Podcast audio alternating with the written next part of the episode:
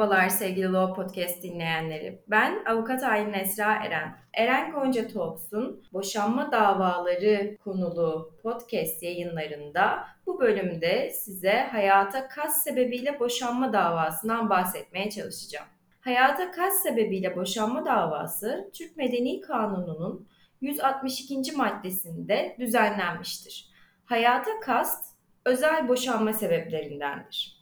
Hayata Kas aynı zamanda 4721 sayılı Türk Medeni Kanunu'nun düzenlediği mutlak boşanma sebeplerindendir. Hayata kast, karı veya kocadan birinin yani eşlerden birinin diğer eşi öldürmek amacıyla yaptığı eylemlerdir. Bu eylemin önceden planlanmış olmasına gerek bulunmamaktadır. Ani gelişen bir kararla gerçekleştirilen eylem de aynı sonucu doğurabilir kişinin aynı anda kendi hayatını da sonlandırmayı düşünmesi, hayata kast sebebiyle boşanma davası açılmasına engel oluşturmaz.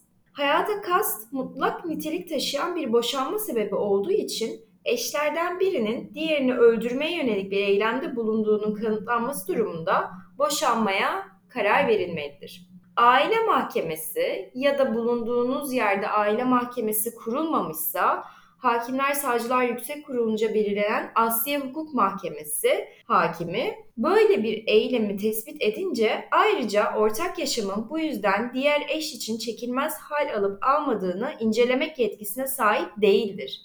Kaldı ki buna gerek de yoktur. Çünkü öldürülme tehlikesiyle karşı karşıya kalmış bulunan bir kimsenin müstakbel katil de diyebiliriz aslında buna. Aynı çatı altında oturması beklenemez yani artık ortak bir hayatın kalıp kalmadığına değerlendirmeye gerek yoktur. Hayata kas sebebiyle boşanma davalarında dava hakkının iki halde ortadan kalktığını görüyoruz. Bunlardan biri hak düşürücü süre Türk Medeni Kanunu madde 162 ile düzenlenmiş. Diğeri af. Yani af ederseniz e, böyle bir durumdan sonra eşinize maalesef hayata kas sebebiyle boşanma davası açamıyorsunuz ve bu sebeple kendisinden boşanamıyorsunuz. Hayata kas sebebiyle boşanma davası açarken nasıl bir dilekçe sunmalıyız, nerede dava açmalıyız biraz da bundan bahsedelim dilerseniz. Aile mahkemesinde bu davamızı açmalıyız. Aile mahkemesi kurulmayan yerlerde Asya Hukuk Mahkemesi aile mahkemesi sıfatıyla sizin davanıza bakacaktır. Her dilekçede olduğu gibi davacı davalı varsa vekillerinin e, bilgilerinin yazılması gerekir.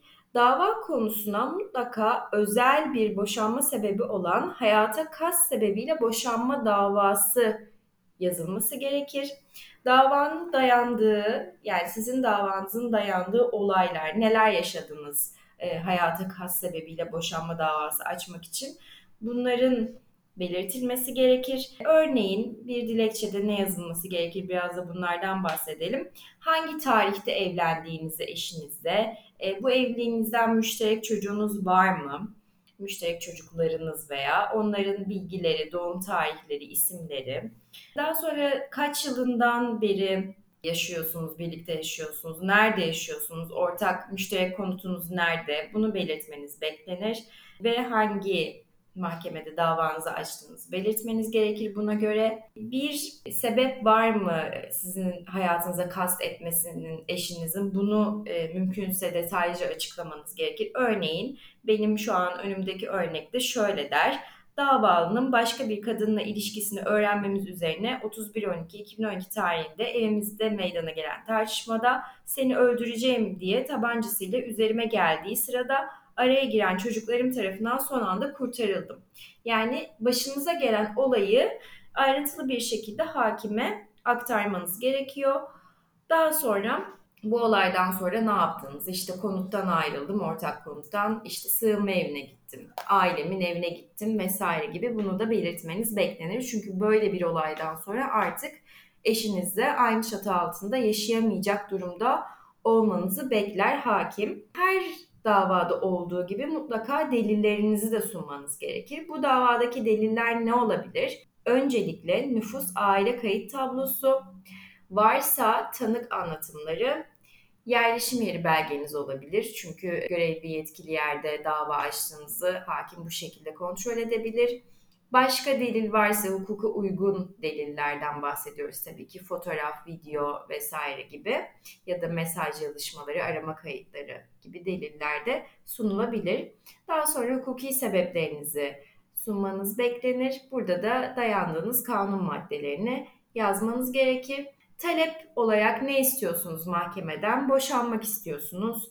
Varsa ortak çocuklarınızın velayetini isteyebilirsiniz. Ortak çocukların görüş günlerini siz belirleyebilirsiniz. Hakimden şu günlerde babasıyla ya da annesiyle görüşmesini talep ediyorum diyebilirsiniz. Nafaka talep edebilirsiniz. Hem çocuklarınız için hem kendiniz için. Tazminat talep edebilirsiniz. Özellikle böyle e, kötü bir olay yaşadıktan sonra bu olayı da tabii kanıtlayabildikten sonra mutlaka tazminat hakkınız da olacaktır maddi ve manevi olmak üzere. Daha sonra hayata kas sebebiyle boşanma davanız ilgili mahkemede açılır, görülür ve sonuca bağlanır. Hayata kas sebebiyle boşanma davası konusunda bir takım yargıtay içtihatları belirlenmiş zaman içinde. Dilerseniz biraz bunlara göz atalım. Örneğin bir karar diyor ki davacının ceza kovuşturması sırasında şikayetinden vazgeçmesi hayata kas sebebiyle boşanma davası hakkını ortadan kaldırmaz. Ee, aslında e, çok değişik bir karar. Neden değişik bir karar? Çünkü hayata kas sebebiyle boşanma davası açtığımız zaman sizi eşinizin öldürme kastıyla hareket eden bir eylemde bulunduğunu anlıyoruz. Bununla bağlantılı olarak e, hayatın olağan akışı gereği aslında bir ceza soruşturması ve kovuşturmasında başlamasını öngörürüz hukukçular olarak. Fakat anladığımız kadarıyla bu içtihatta, bu örnek kararda ceza kovuşturması sırasında eşlerden şikayetçi olan taraf şikayetinden vazgeçmiş. Aslında çok enteresan. Neden? Eşinin demek ki ceza almasını istemiyor. Böyle bir olay yaşandı ama cezalandırılmasını istemiyor olabilir. E, tamamen bu kişinin özgür iradesiyle yürütülebilecek bir olay zaten e, ceza kovuşturmaları ve soruşturmaları. Fakat e, boşanma isteği devam ediyor olabilir. Özel boşanma sebeplerinden hayata kas sebebiyle boşanma davası da devam eder diyor Yargıtay. Diğer bir kararda ise eşlerden biri diğerinin hayatına kast ederse diğer eş aynı dava içinde terditli dava açabilir der. Bu da aslında boşanma davasında terditli davaları çok fazla görüyoruz. Yani işte hayata kast olmazsa yani bunu ispatlayamazsam e, sayın hakim ya da bana inanmazsanız demek oluyor. Pek kötü veya onur kırıcı davranış sebebiyle boşanmak istiyorum diyebilirsiniz. Veya diğer bir boşanma, özel ya da genel boşanma sebebini öne sürerek yine boşanma davanızı e, sürdürebilirsiniz. İçtihat bundan da bahsetmiş bize. Bu hakkımızda hatırlatıyor. Diğer bir karar affın varlığının kabul edilebilmesi için kayıtsız şartsız bir irade beyanının mevcut olması ya da en azından affı gösterir fiili bir tutum ve davranışın gerçekleşmiş olması gerekir diyor. Burada da yine hatırlayalım af neydi? Bizim dava hakkımızı ortadan kaldıran bir sebepti. Yani şimdi eğer biz hayata kast sebebiyle boşanma davası açıyorsak bizim hayatımıza kast eden kişiyi bu süreçte affetmememiz beklenir. Eğer affedersek o zaman bizim dava hakkımız ortadan kalkıyor. Ama bu affın da kayıtsız şartsız bir irade beyanıyla gerçekleştirilmesi bekleniyor. Yani hani kesinlikle affettiğiniz e, net olacak. Hiçbir kimsenin e, kafasında bir soru işareti ve şüphe olmayacak. Yani şöyle yaparsa affederim, böyle yaparsa affederim e, ya da her an bu düşüncemden vazgeçebilirim, affetmeyebilirim de gibi böyle soru işareti oluşturacak durumlara mahal verilmemesi gerekir. Çünkü bu çok ciddi bir karar olacaktır. Hem bunun bir ceza soruşturma, kovuşturma ayağı olabilir hem de bu bir özel boşanma sebebi olduğu için siz bu özel boşanma sebebinizi de aslında F'ye düşürmüş olacaksınız. Evet sevgili Doğu Podcast dinleyenleri. Bu bölümde sizlere hayata kas sebebiyle boşanma davasından bahsetmeye çalıştık. Bir sonraki podcast bölümümüzde görüşmek üzere. Sevgiyle kalın, hoşçakalın.